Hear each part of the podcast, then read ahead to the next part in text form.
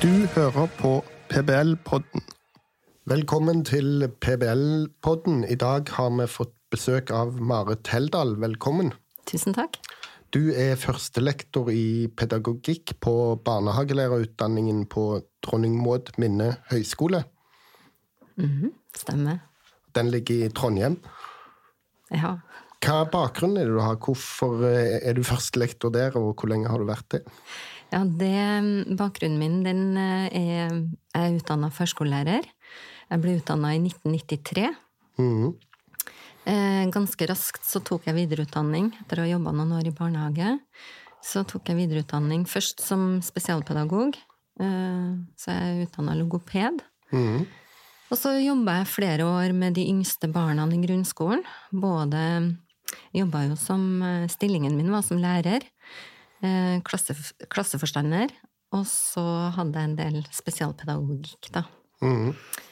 Eh, Og så i ganske voksen alder så tok jeg en master i veiledning. Mm. Um, og da kombinerte jeg på en måte både den barnehagefaglige bakgrunnen min og um, spesialpedagogikken. Og skrev en master om stemmebruk hos frisører. Oi! Ja.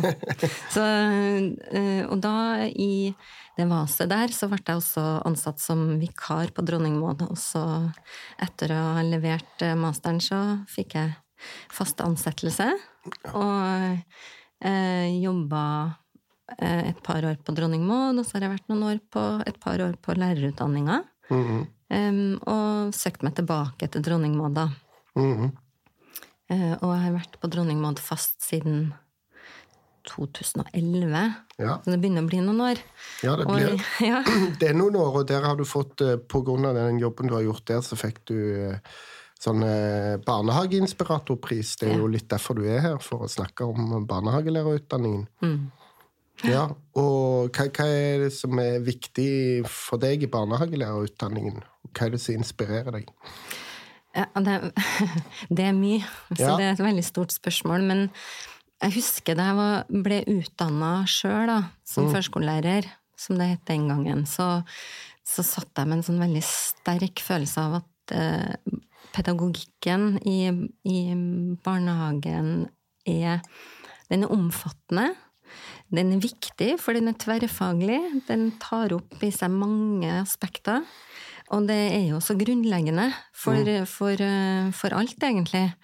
Eh, Så jeg var, jeg var litt eh, Jeg var veldig raskt veldig opptatt av barnehagepedagogikken. I, i, og det, det mangfoldet. Jeg tok òg fordypning drama, og syntes at dramafaget inn i barnehagen var superviktig. Og eh, noe av det som har vært drivkraften min hele tida, er å formidle akkurat betydningen av eh, barnehagefaglige eh, tema. Eh, både syns jeg det er viktig eh, i utdanninga, men òg utover utdanninga, i samfunnet for øvrig. Jeg syns det er en usedvanlig Jeg må være litt forsiktig, for jeg har lyst til å si verdens viktigste profesjon. Verdens viktigste jobb det er å jobbe med de yngste barna i samfunnet. Det er så Alle sammen er, kan forstå at det er viktig, men det å forstå hvorfor det er viktig, det kan være litt vanskelig å artikulere, da. Hvor- Hvorfor tror du det er viktig, og hva er viktig med det? Altså, Jo, det er akkurat det faktumet. Det er litt vanskelig å si hva, hva som liksom kjennetegner noe som er så mangfoldig som det er barnehagepedagogikk er. Det, kan, det er liksom ikke noe sånn spesifikk Vi kan si at eh, danning, leik, omsorg er sentrale stikkord i, i, i pedagogikkfaget og i barnehagelærerutdanninga. Men det blir litt det, hva fyller vi de ordene med, hva fyller vi begrepene med? Det er ganske voldsomme ting. eh, og det å kunne um, tydeliggjøre det, Ja. det er jo en utfordring ofte. Da må du sette av litt tid. Men du er jo blitt kåra til en barnehageinspirator, og det er jo annet studentene som har stemt deg frem, så det må jo være noe med dine studenter. og Hva er det som kjennetegner dine studenter? Oi. Jo, det, det er en vilje og et ønske om å, å være noe viktig for barn. Ja. Um, omsorg for barn. Uh, det er kanskje det sånn det første som jeg tenker på. Og det er jo så i tråd med det jeg tenker er viktig for en god barnehagelærer, da. Mm. Um, så uh, Og den uh, Når man kommer i en Jeg, jeg syns det som kjennetegner studentene, og som jeg føler at jeg lærer noen ting av nesten daglig, ikke sant Altså, det slår meg veldig ofte hvor, hvor omsorgsfulle de er, og hvor gode de er til å møte, Mm. møte andre mennesker. Ja. Eh, når de blir Jeg, jeg merker det særlig godt eh, i de her uformelle læringssituasjonene. ja. Tror du det trengs et sånn spesielt sånn, nærmest et sånn omsorgsgen hos studentene for at de skal bli motivert for å bli barnehagelærere? Ja, men det, det Kanskje vi har et omsorgsgen, alle sammen. Ja, ja, det vil jeg tro, men Så Nei, jeg tror Jeg, jeg tror vi vi har jo gjort sånn uformelle undersøkelser i klasserommet. ikke sant? Ja. Hva, hva er det som kjennetegner studentene? Og det, Ja. eh, hvis man går inn på sånn type testing, og sånn, da, så er det kanskje at de er veldig flinke til å tilpasse andre menneskers behov Ja. og ønsker. Det kan jo være fordeler med det, og så kan det være noen ulemper med det. For det kan jo bli en likhetskultur fort, da. At du ikke tør å, tørs å utfordre. Um, men uh, Og så er det noe med altså, Kanskje det med å være en support, da. En sånn person som bygger opp under andre. Ja. Og det er jo en sånn Ja, jeg tror vi har eh, studenter som har Som er sterke på det. Ja. Og så er det som sagt eh, fordeler og ulemper med det. ja. Så det må vi diskutere, tenker jeg. Ja, men særlig det å sette seg inn i et barnesinn. Altså, nå snakket du i stad om det at det er lett å ta sine egne subjektive opplevelser og allmenngjøre dem, men, og nå skal jeg gjøre den feilen eh, sjøl òg, men jeg husker bare når jeg hadde små barn, så syntes jeg det var fint. Ja, fint å sende dem i barnehage, men òg f.eks. på skiskole. For da tenkte jeg at de som var skiinstruktører, når de, de var ganske små for å gå på langrennsski, når de, de var sikkert bare tre-fire år, barna mine, så syntes jeg det var så behagelig å sende de der, for de som var instruktører, de hadde tålmodighet med barna. Men hvis jeg hadde prøvd å lære barna mine å gå på ski, så hadde de bare blitt sure på at jeg ikke var tålmodig nok, osv. Det er jo kanskje en del foreldre som kjenner seg igjen i det, det vet jeg ikke, men kan det ligge noe der? Jo da, og så tror jeg òg at hvis man eh, opplever utålmodige voksne, så tror ikke jeg det er så veldig skadelig heller, hvis det skjer innimellom. Og jeg tror ikke nødvendigvis at det tar, eh, tar nyven av, av lærelyst og lærevillighet. Um, ja, jeg tror uh, Sjøl så ble jeg sendt på skiskole med, med samme begrunnelse, da. Okay. Fordi mora mi hun ville gå langt og, og fort på ski.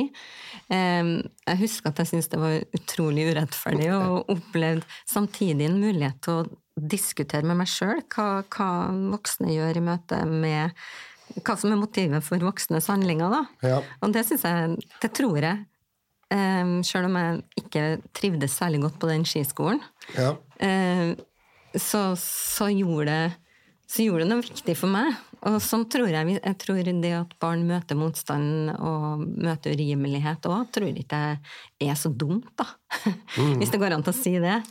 Innenfor rimelighetens grenser, selvfølgelig. ja, ja. Ja, mm. Nei, men at alt alltid er rettferdig, og at takle at eh, at eh, takle at noe er litt urimelig, det, og at sånn kan verden være, det kan jo være bra. Det, det er jo en form for dannelse, det òg. Det tror jeg. Og så tror jeg at eh, eh, du har selvfølgelig sjansen for å møte tålmodige skiinstruktører. Eh, større sjanse for det, forhåpentligvis, da. Men, men eh, Og det er bra med tålmodige voksne i møte med, i møte med barn. Men eh, Ja. det, er ikke, det er ikke gitt at de her eh, instruktørsituasjonene er de beste heller. Nei. Det er komplekse greier, da. Det er akkurat det. Man kan jo vikle seg inn i store samtaler her. Ja, klart det. Ja. I en takketale jeg leste, så, st- der du, når du hadde fått denne barnehageinspiratorprisen, så sa du at du hadde vært i overkant streng med studentene dine. Hva, hva legger du i det? Nei, det var en periode jeg var litt overraska at jeg fikk den nominasjonen nå. Fordi jeg har de siste årene vært eh, veldig opptatt eh, og travel. Og det gjør jo når du er travel, så merker jeg Jeg har vært veldig kort, hatt kort rundt det. Har vært eh, mye jobbing som har krevd meg utover den tida man er på jobb. Altså, det har vært I og med at jeg har jobba mye inn, inn i, i tema som barn på flukt, og vært med etablert en barnehage for barn som lever i en flyktningleir, eller som levde i en flyktningleir, og lokale barn på den greske øya Lesbos, mm. så jeg, hadde jeg ekstremt Det var et stort prosjekt, eh, mm. og det prosjektet krevde meg nesten Jeg pleier å sammenligne det overfor for eh, damer som har opplevd å være gravid. Du har det i hodet ditt hele tida. Mm. Og det gjør at eh, det var mye annet som opplevdes litt Eh, forstyrrende, og jeg var nok i perioder også veldig prega av ansvarsfølelsen jeg hadde. Og mm. sikkert, eh, så derfor så tenkte jeg at jøss, studentene Enn at de allikevel opplever det som interessant å være i, i, møte med, og kanskje også har de gitt meg litt support ved det. Kanskje ja. at de har skjønt at jeg trengte en, en, ekstra oppmerksomhet. Jeg vet ikke, Av og til har jeg tenkt det, da. For jeg tror eh, ikke min undervisning har vært spesielt mye bedre enn veldig mange andre sin. Men jeg mm. tror de har skjønt at jeg har ønska å formidle no, en viktig side ved det å være barnehagelærer gjennom det her prosjektet. Ja. Og kanskje har de gitt det til tross for. Eller på grunn av god undervisning, jeg vet da farken. Ja, eh, kanskje du er ikke bare er litt for streng med studenten, men kanskje litt streng med deg sjøl òg? Jo, kanskje. Ja da. Mm. Nei, da men, men jeg skal komme tilbake til dette med dette prosjektet ditt og denne barnehagen på Lesbos, men jeg vil gjerne snakke litt om eh, for det er mye i vinden for tida, dette med rekruttering til barnehagelæreryrket, og at ja, det blir mindre populært å, å søke på barnehagelæreryrket. Hva tenker du om det? Jeg har tenkt så mange tanker om det. altså. Fordi jeg stiller meg det store spørsmålet hva er grunnen? Um, noen ganger så tenker jeg har vi Vi hører sånne utsagn som er det en Exit-generasjon der? Den serien Exit fikk jo veldig mye oppmerksomhet. Ja. Men det var bare etter siste episoden at i hvert fall jeg la merke til det mulig at jeg sier noe feil nå, men det var etter siste episoden i sesong tre at de gjorde oppmerksom på at hvis du har mentale problemer, så kan du ringe eh, mm. etter hjelpenummer. Alt det før, det var liksom en sånn nesten grenseland til glorifisering av en kultur som jeg syns er problematisk, og som de fleste syns er litt ja. problematisk. Men det er noe med den tida. Jeg vet ikke om jeg begynner å bli altfor gammel. Jeg liksom lurer på hva har skjedd? Er det en flukt fra omsorgsyrket fordi det, det blir snakka ned i media? Men vi har jo også dem som snakker det opp. Mm. Um, um, jeg, lurer, jeg, lurer, rett og slett på hva, vi, hva det vi, vi gjør i utdanninga, da. Mm. Um, som, som Hva kunne vi ha gjort annerledes? Ja. for å trekke til oss uh, flere søkere. Um, hvordan skal vi få frem budskapet og viktigheten av yrket? Og der uh, har jeg senest i dag vært i et møte med, med folk som jobber med, med film da, og, og, visualisering av, av, et budskap. Og det er nok Vi er et langstrakt land, Norge, mm. og vi er veldig mangfoldige, eh, vi òg. Mm. Så det er noe med å nå ut til både den ytre ytterste øy til sentrale strøk osv. Videre, og, så og det her er Jeg har mange tanker om det. Det, det, det, rom, det tror jeg de fleste har. Mm. Og så er det sikkert sammensatt. Selvfølgelig er det det. Ja, at det er sammensatt, det tror jeg de fleste kan være enige om. Ja. Og, og, og, hvis du ser på sånne søkertall og samfunnsøkonomiske tall, f.eks. på arbeidsledighet, så er det jo ofte en tendens til at hvis ledigheten stiger, så søker folk seg mer til trygge jobber. Altså mm. sykepleiere eller mm. lærere osv. Mm. Altså yrker som ikke er sånn konjunkturavhengige. Og, og barnehagelærere vil vi jo trenge framover uansett, men det, det er større Det er ikke det er lite som tyder på at arbeidsledigheten kommer til å øke voldsomt, iallfall.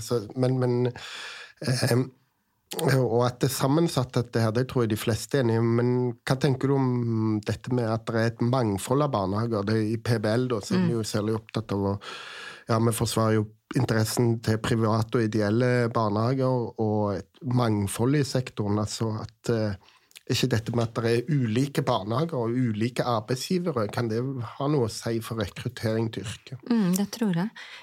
Faktisk. Eh, for, og det slo meg her i forrige uke, da snakka jeg med studentene, og så sier de og det var på mangfoldslinja da, på, mm. på, på Dronning Maud. Og så sier de men du Marit, hvorfor kan ikke vi kalle oss for mangfoldspedagoger? Ja.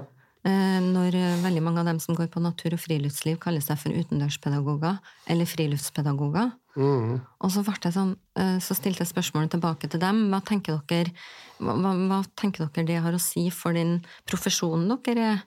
Eh, og da var det ingen som hadde noen kritiske Eh, refleksjoner rundt det, annet enn at jeg mente at det burde egentlig kunne styrke profesjonen. Mm. At man, man, får lov til å kalle seg noe annet enn barnehagelærer. Og mm. det sier jo noen ting, det, da.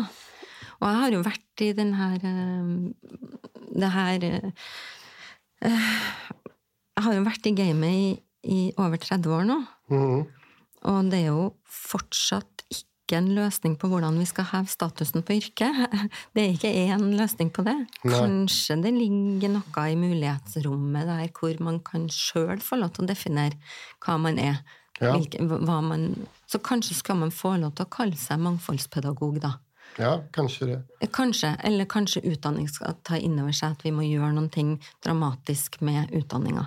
Mm. Og heller utdanne ulike typer pedagoger, eksempel. Ja. Ja, for det, når folk velger utdanning, så skal det jo altså folk, eh, folk, kan jo ta etterutdanning og angre og ta noe nytt, men det er jo et stort valg å ta utdanning. Mm. Altså, jeg tenker at uh, ofte så kan det å at folk skal velge barnehagelærerutdanning, at det er forskjellige muligheter, da, at det er karrieremuligheter, og at du, hvis du ikke trives i den private barnehagen fordi at eh, her er det ikke så bra for meg, så kan jeg begynne å jobbe i den kommunale barnehagen, eller motsatt. Altså at, er, at det kan være viktig. Men eh, et, eh, et, annet perspektiv som blir trukket opp mye i det siste, er jo dette med bemanningen i barnehagen, og at mm. bemanningen ja, Hvis vi sammenligner med andre land, så er jo bemanningen i norske barnehager ganske høy. Mm. Men mange snakker om at den ikke er høy nok. Mm. Så kanskje særlig dette med uh, situasjoner rundt henting uh, mm. og, og, levering i barnehagen, at da er det ikke så bra bemanning, er det mange som snakker om. Uh, tror du det har noe å si for rekrutteringen til yrket? At folk tenker at dette er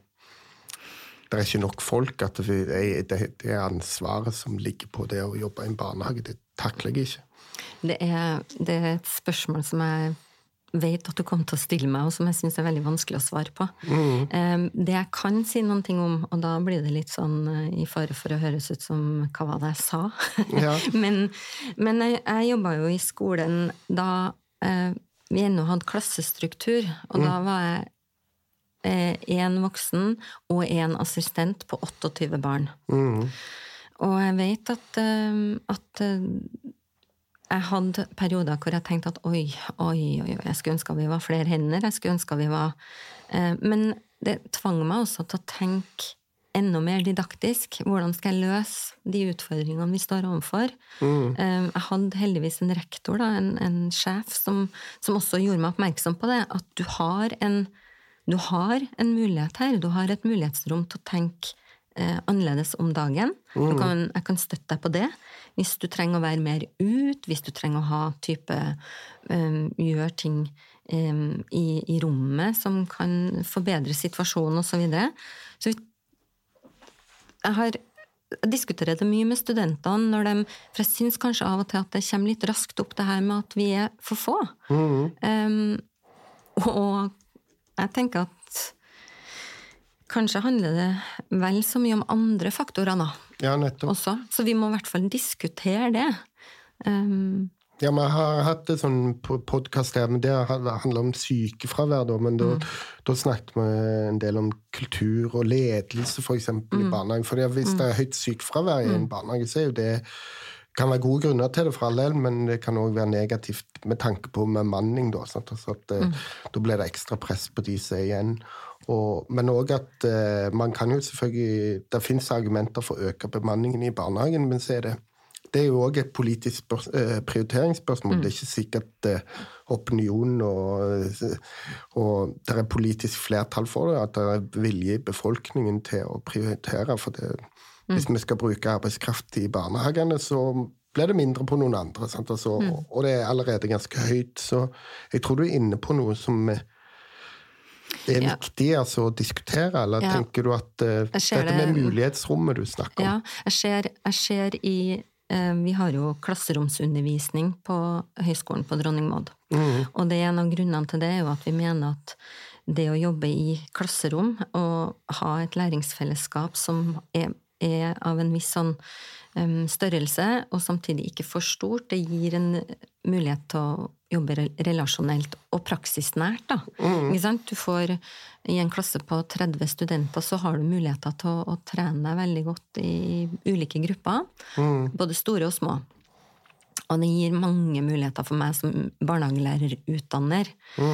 Eh, samtidig så ser jeg hvor lett en negativ stemme brer seg. Ikke sant? Og hvis du lar eh, de negative røstene eh, få lov til å, å vokse, ikke klare å, å kvele det i begynnelsen, så har du egentlig et stort problem. Og det er litt det samme jeg har opplevd sjøl i yrket som, som både barnehagelærer og lærer. At, eh, det er fort gjort å bli dratt ned. Og når vi er på tur med studentene på natur- og friluftslinja, hvor jeg har jobba mange år, da, da er vi veldig opptatt av det her med hva skjer når du blir sliten? Hva, skjer, hva gjør du? Hvordan møter du andre? Um, og det tenker jeg sånn, det handler om selvledelse. Å være klar over at uh, jeg er vi snakker jo om, at, vi snakker om anerkjennende kommunikasjon, og hvor viktig det er i møte med enkeltbarnet og med ansatte. Og da må vi òg være klar over Det betyr jo at vi vet noe veldig vesentlig, at det å være positiv i møte med andre, det har stor effekt. Det betyr også at når du er negativ, når du er, er, er ugrei og har negative holdninger og væremåter, så smitter det òg. Ikke Ja. sant? Så det deler av oss si unnskyld, for vi kan ikke gå rundt og være supervennlige bestandig, og vi, må, vi er mennesker, så det, det er Ja, ja. naturlig. Men det å ikke la det være oppmerksom på det, at det her ikke må spre seg, det tror jeg er ekstremt viktig, da. Men tror du ikke du kan kanskje provosere litt eh, med det du sier der, fordi at eh, de som da jobber på barnehage, i barnehage, på gulvet i barnehagen, da opplever at det ikke de, de opplever at det ikke er nok bemanning, da. Det er jo sånn de opplever det. Jeg, er litt, eh, jeg er litt kritisk til det, men det er jo lett for meg å sitte i et podcaststudio og være kritisk til det. og så jo. sitter vi her og prater om at ja, du må, må, må ikke være så negativ, være positiv. Det, Ja, ja det er lett å si det når Ja. du har tre unger som skriker i en barnehage. Jeg vet at jeg kan virke, virke Det er jo ikke foruten grunn at jeg fortsatt er engasjert i det jeg holder på med. Ja. Um, det er fordi at jeg ikke også har um, Jeg, har også, jeg står òg på gulvet. Mm, ja. jeg, møter, jeg møter veldig mye folk hver dag, så jeg òg er i relasjonell aktivitet. Jeg vet at det er um, lett å høres ut som at det er men jeg kan, òg bli provosert når jeg prøver den inngangen der, og blir møtt med at det vet du ingenting om, for du står ikke i det. Ja. Jeg, jeg tror jeg står litt i det òg. Ja, ja, og det, og det er jo noe man må kunne diskutere saklig, uten at det, det må, du må ha skoa på for å kunne mene noe om det. Det er jo Ja, et, og det er jo også det et politisk spørsmål, dette her, og, Det det, og, og det- ressursspørsmål som ikke bare angår de som jobber i barnehage. Ja, Men det er, noe, det er vanskelig, og det er derfor jeg sier at jeg gruer meg til det spørsmålet. For det er, det, det veldig betent, da. Ja. Og det er noe med at eh, ja, jeg har ikke jobba i barnehage på mange år, eh, så det er litt eh, Og ting har forandra seg, jeg er jo klar over det. Eh, Samtidig som at eh, jeg står nå i møte med, med både barnehagelærere og eh, studenter og barnehagelærerutdannere, og vi er jo alle sammen opptatt av det her, så vi, vi må jo eh, I hvert fall tror jeg når vi kommuniserer det her, så må vi passe på at at vi ikke blir oppfatta som um, vi, må, vi må klare å adressere det på en fornuftig måte, i hvert fall. Og da må vi vite noen ting om hva er årsaken. Eh, Og det er sammensatt, ikke sant? for vi vet jo at det er en økende diagnostisering av barn. Og vi vet at det kanskje har eh, Det har sammenhenger med andre ting som ikke vi nødvendigvis som profesjon rår over sånn umiddelbart, men vi må nødt til å sette foten. Vi må begynne å Vi, vi trenger og tørs om igjen. Ja, ja, at det blir lempa for mye ansvar over på barnehagen, f.eks. Ja, for det, eksempel. Jo... Det kan det fort bli. Mm. Og det kan være at vi trenger å skjerpe stemmen vår litt og si hallo, nå må vi, nå må vi, nå må vi klare å artikulere det her og møte eh, folk og si faktisk hva vi mener, og tørs å, å mene òg. Mm. Um, nei, det er, det er, veldig, veldig komplisert, altså. Mm. Jeg, bare, jeg, lurer på om du har en kommentar. Det er noe jeg har tenkt på av og til. For du snakket om det å være positiv og negativ. Noen ganger har jeg tenkt på dette og i, i diskusjonene om bemanning. at av og til så har jeg savna det, er kanskje bare en subjektiv oppfatning for meg, altså, men savna noen som sier liksom vi er barnehagelærere, vi gjør en dyktig jobb, vi er viktige, mm. vi tar vare på barna, dette får vi til. Eh, og det skal vi klare med den bemanningen vi har. Men da må man få mer lønn, liksom. Altså Mer sånn proaktiv framoverlent istedenfor vi har det vondt, vi trenger flere på jobb, som er litt mm. mer sånn mm. eh, og, og, Altså at vi, vi, Hvis opinionen skal være villig til å betale barnehagelærere mer i lønn, da, det, så, så, så, må de kanskje være mer fremoverlent og, og, og si at vi leverer. Og de mm. gjør jo det. De gjør, mm. Norsk barnehage gjør det jo veldig bra mm. på mange undersøkelser. Mm. Og at det kunne blitt brukt mer positivt. da. Mm, kanskje det. det og ja, og jeg har jo tenkt mye på Da jeg begynte å jobbe i barnehagen, så var vi Jeg var irritert på Utdanningsforbundet den gangen, for jeg syns vi ble stemoderlig behandla, og har òg kjent på den der underdog-feelingen. Mm. Og tenkt hvorfor i all verden har ikke vi etablert eget, en egen fagforening, for eksempel? Eh, hvorfor har vi ikke gått mer i bresjen for vår egen profesjon, da? Mm. Eh, og vi ja, kanskje er det fordi at vi har vært en semiprofesjon og ikke helt funnet den her profesjonelle eh, Det innholdet som er så viktig å kommunisere, at vi ikke klarer det fordi det blir så uh, generelt. Jeg vet ikke. Men jeg syns det er rart, for jeg merker når jeg møter andre med, med ulik faglig bakgrunn, så er de villige til å høre. Hvis, de, hvis du begynner å snakke med dem om det. Mm. Jeg opplever at det er veldig gehør òg for den jobben man gjør. Eh, og at eh, Så, så jeg tror vi må, vi må Vi bærer et stort ansvar sjøl, og det vi, da, sier jeg, ikke sant? Ja, ja. Vi, vi, er mange, da. Og det er alt fra Ja, men du er jo en del av det. Altså, som, som, det. som, som At du utdanner barnehagelærerne, så er det jo av betydning for barnehagelærerne, selvfølgelig. Og du har jo en dreven barnehage sjøl òg. Ja, jeg har jo gjort det, og det, ja, det har vært uh, interessant, det. Og stått i det.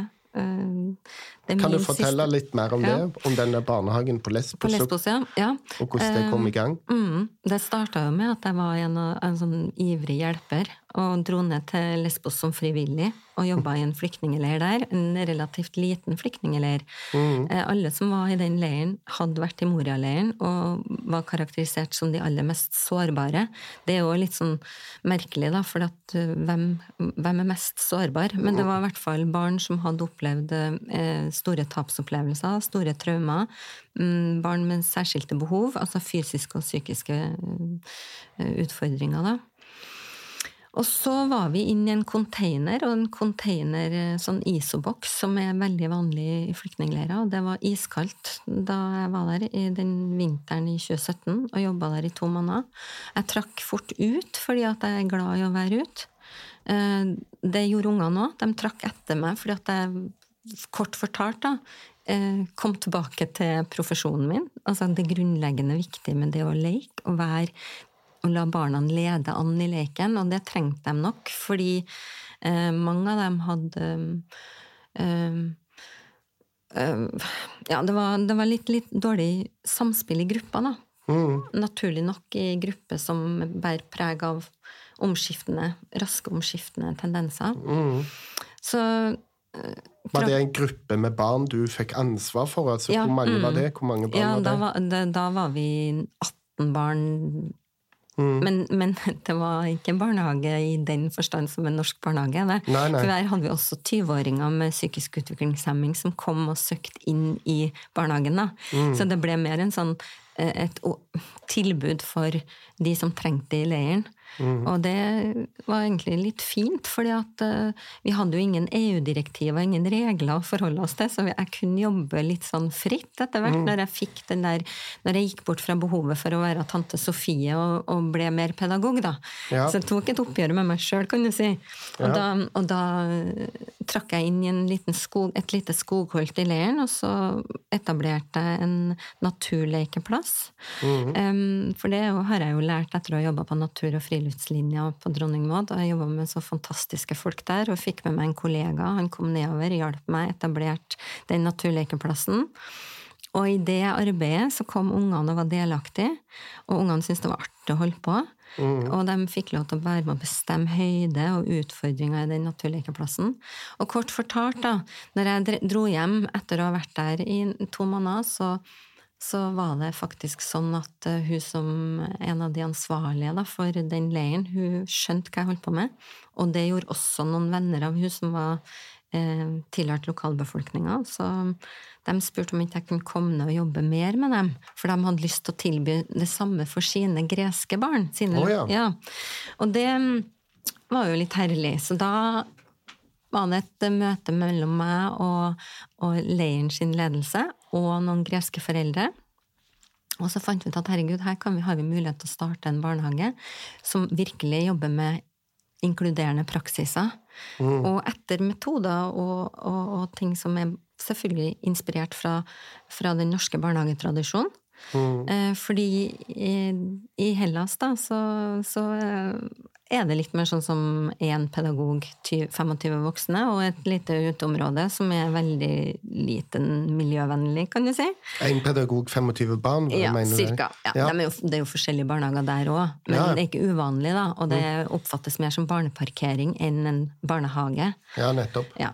Så, så, det var faktisk sånn at de greske foreldrene som sa da at vi befinner oss i en situasjon nå hvor vi har fått så mange flyktninger til øya, vi har lyst til å lære mer, vi vil være en del del av det, det, du holder på med, Marit, kan vi være så snille å jobbe sammen?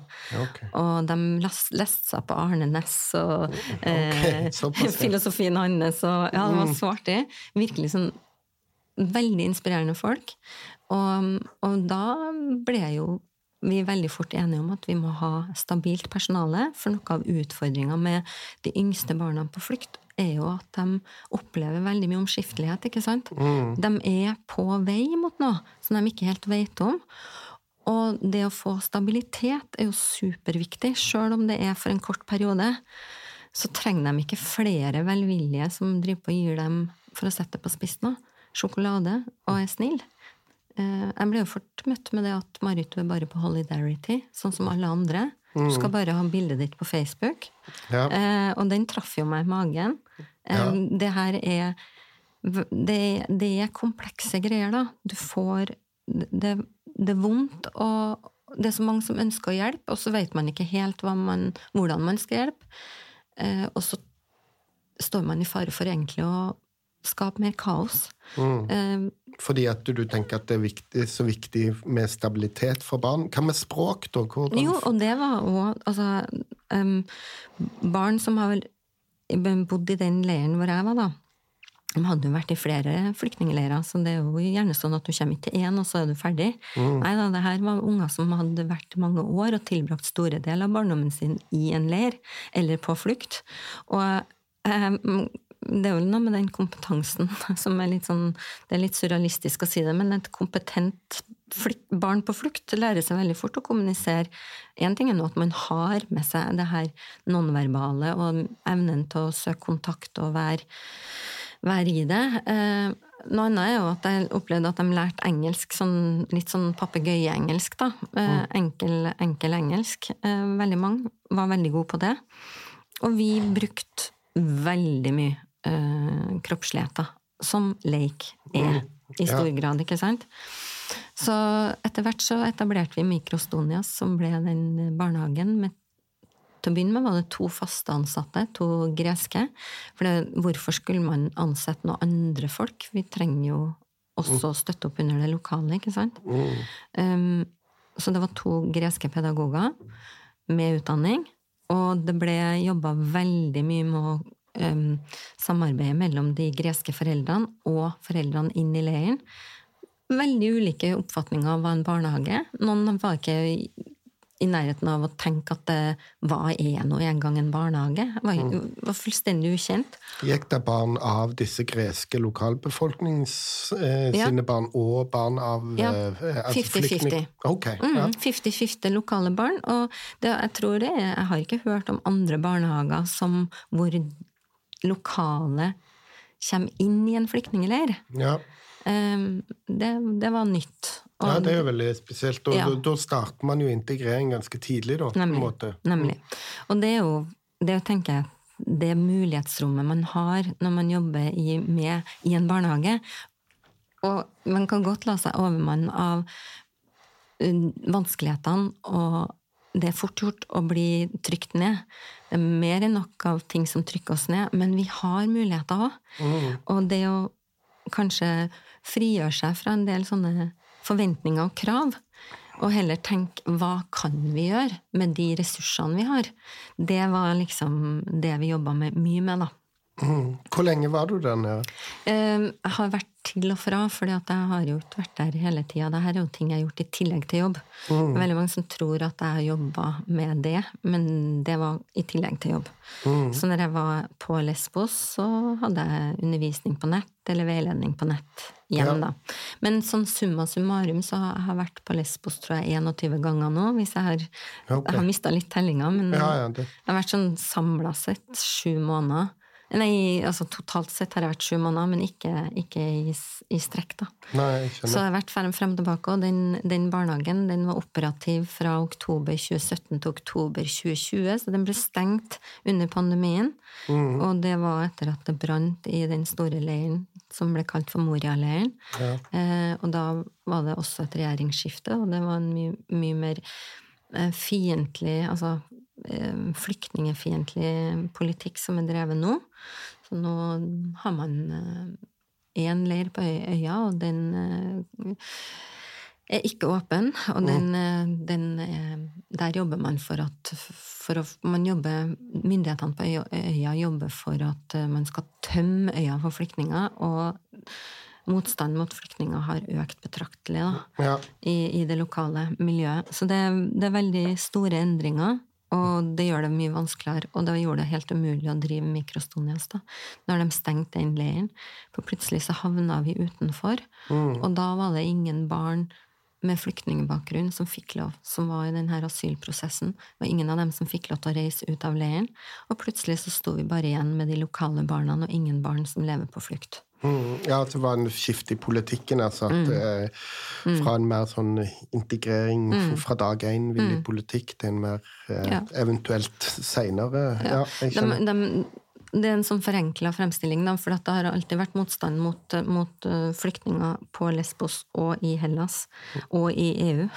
Ja. Eh, men, men det ble forverra med situasjonen eh, i Moria og med den brannen som oppstod. Og da var det liksom den, Det eskalerte såpass at man kunne med veldig sånn fynd og klem gå inn og stenge leirene og jobbe enda mindre humant, da. Mm, Dessverre. Mm. Men eh, du, du har hele veien mens du har vært der nede fram og tilbake 21 ganger, det er jo veldig imponerende. Hvordan har dette påvirka din eh, rolle som barnehagelærer her i Norge? Som barnehagelærerutdanner. Ja, utdannet. jeg har, jeg har Det har prega meg veldig, tror jeg. Jeg har Eller det vet jeg. Jeg har, som jeg var inne på, vært, hatt en litt kortere lunte. Jeg, jeg har fått sagt jeg har fått snakka med profesjonelle som har hjulpet meg, for noe av det, det, det er veldig frustrerende å jobbe med ting som, som Det er vondt å se hvordan politikk da dreier så voldsomt og, og blir så fiendtlig innstilt eh, mot um, vi er jo egentlig veldig vi, Det er jo det her som er barnehagepedagogikkens kjerne. Det her med å jobbe med mangfold og gi barn av, med ulike forutsetninger like muligheter. Like gode muligheter. Og så ser man at storpolitikken, storsamfunnet, eh, vet ikke, det internasjonale, vender seg bort og lukker dører og, og lukker mulighetsrom. Da. Og jeg tror jo at eh, Jeg mener jo at eh, utenforskap, det starter jo i tidlig alder. Og når du blir behandla og låst inn, behandla som om du er mindreverdig, da utvikler du et, også et, uh, en mistro, en mistillit og et hat, og det her vet vi utmerket godt, ikke sant? Uh, mm. Men allikevel. Så for meg så er det å jobbe med inkluderende praksis altså ekstremt viktig. Det handler om sosial bærekraft, ikke sant? Ja, at det, at det, har blitt mer viktig for deg i, i norsk eh, kontekst òg, på en ja, måte. Mm. Ja, og jeg, og jeg, tenker at um, uh, vi, vi, det har blitt aktualisert med krigen i Ukraina, og nå uh, senest med alt det som foregår i Israel og på Gaza, mm. i Palestina. Det er da jeg begynte å jobbe med tematikken i 2016, for høsten 2016, det var da jeg hadde den første innsamlingsaksjonen, um, og da da jeg begynte med det, så var det 80, noen og 80 eh, millioner mennesker på flukt. I dag så er vi over 100 millioner. Ikke mm. sant? Og det er bare på noen år. Og det her vet vi ikke kommer til å avta. Ja, det... Og, og, det er de yngste barna da, som jeg er veldig opptatt av med den faglige bakgrunnen jeg har. Mm. For de yngste barna på flukt, altså barn i førskolealder, de er det snakka lite om. Mm. Vi snakker veldig mye om eh, betydningen av skolegang. Men vi snakker ikke så veldig mye om betydningen av early childhood education and care ja. for de aller yngste. Mm. Så, Men det, vel, ja. Eh, det, er vel en del barnehager som tar imot uh, flyktninger, mm. særlig nå i det siste i Norge, mm. fra Ukraina. Ja, der, der, får du jo den kombinasjonen du snakket om på Lesbos, der det var lokale barn, mm. og, og folk de er jo mm. ikke fra en flyktningleir, men de kommer Nei. jo fra et De kommer fra en krig, ja, og de er på flukt. Ja. Og, ja, og det er jo så, så som fremtidig barnehagelærer Alle mine, alle min, eh, mine studenter Det hørtes veldig eier, eh, eierforhold ut. Men de studentene jeg møter, da, eh, de, de kommer jo til å møte mennesker som har fluktbakgrunn. Og mm, den kunnskapen om Eller det at man er i stand til å møte mennesker som har erfaringer fra flukt, eh, og som kanskje også fortsatt føler seg på flukt, fordi mm. de ikke er i der hvor røttene der hvor, hvor, de ønsker å være. Det påvirker, det påvirker rollen som barnehagelærer. Ja, det tror jeg eh, Uansett hvordan man ser på det, og mm. med den politikken på Lesbos, så vil mm. jo de erfaringene du har fra det du har gjort der å være viktig framover uansett. Og mm, det vil det mm, nok være. Mm. Mm. Jo da, og det jobbes jo videre med tematikken, og samarbeidet med Lesbos er fortsatt uh, til stede. Uh, senest i juni i år så var vi nedover flere fra Dronning Maud, flere fra barnehagelærerutdanninga i Vollos i Hellas, mm. og, og jobba med de som jobba inn i leiren um, der. Uh, og lokale som også jobber med uh, mennesker med fluktbakgrunn i, på Lesbos, da. Og fra omkringliggende øyer. Så, dem, så, vi var der ei uke og jobba sammen, og det var, det var, fint, det var meningsfullt. Og det å kunne eh, jobbe godt didaktisk, mm. ikke bare i et klasserom, men i en sånn samskaping med andre pedagoger, med Eh, såpass store, komplekse temaer. Det er jo kjempespennende. Tidkrevende, men veldig, veldig fint og givende, da. Så det var ålreit, syns jeg. Ja. Jeg tror vi går inn for landing. Mitt navn er Lars Kolbeinstveit, og nå har jeg hatt med meg Marit Heldal her i studio. Tusen takk for at du kom. Takk for meg. Ha det bra.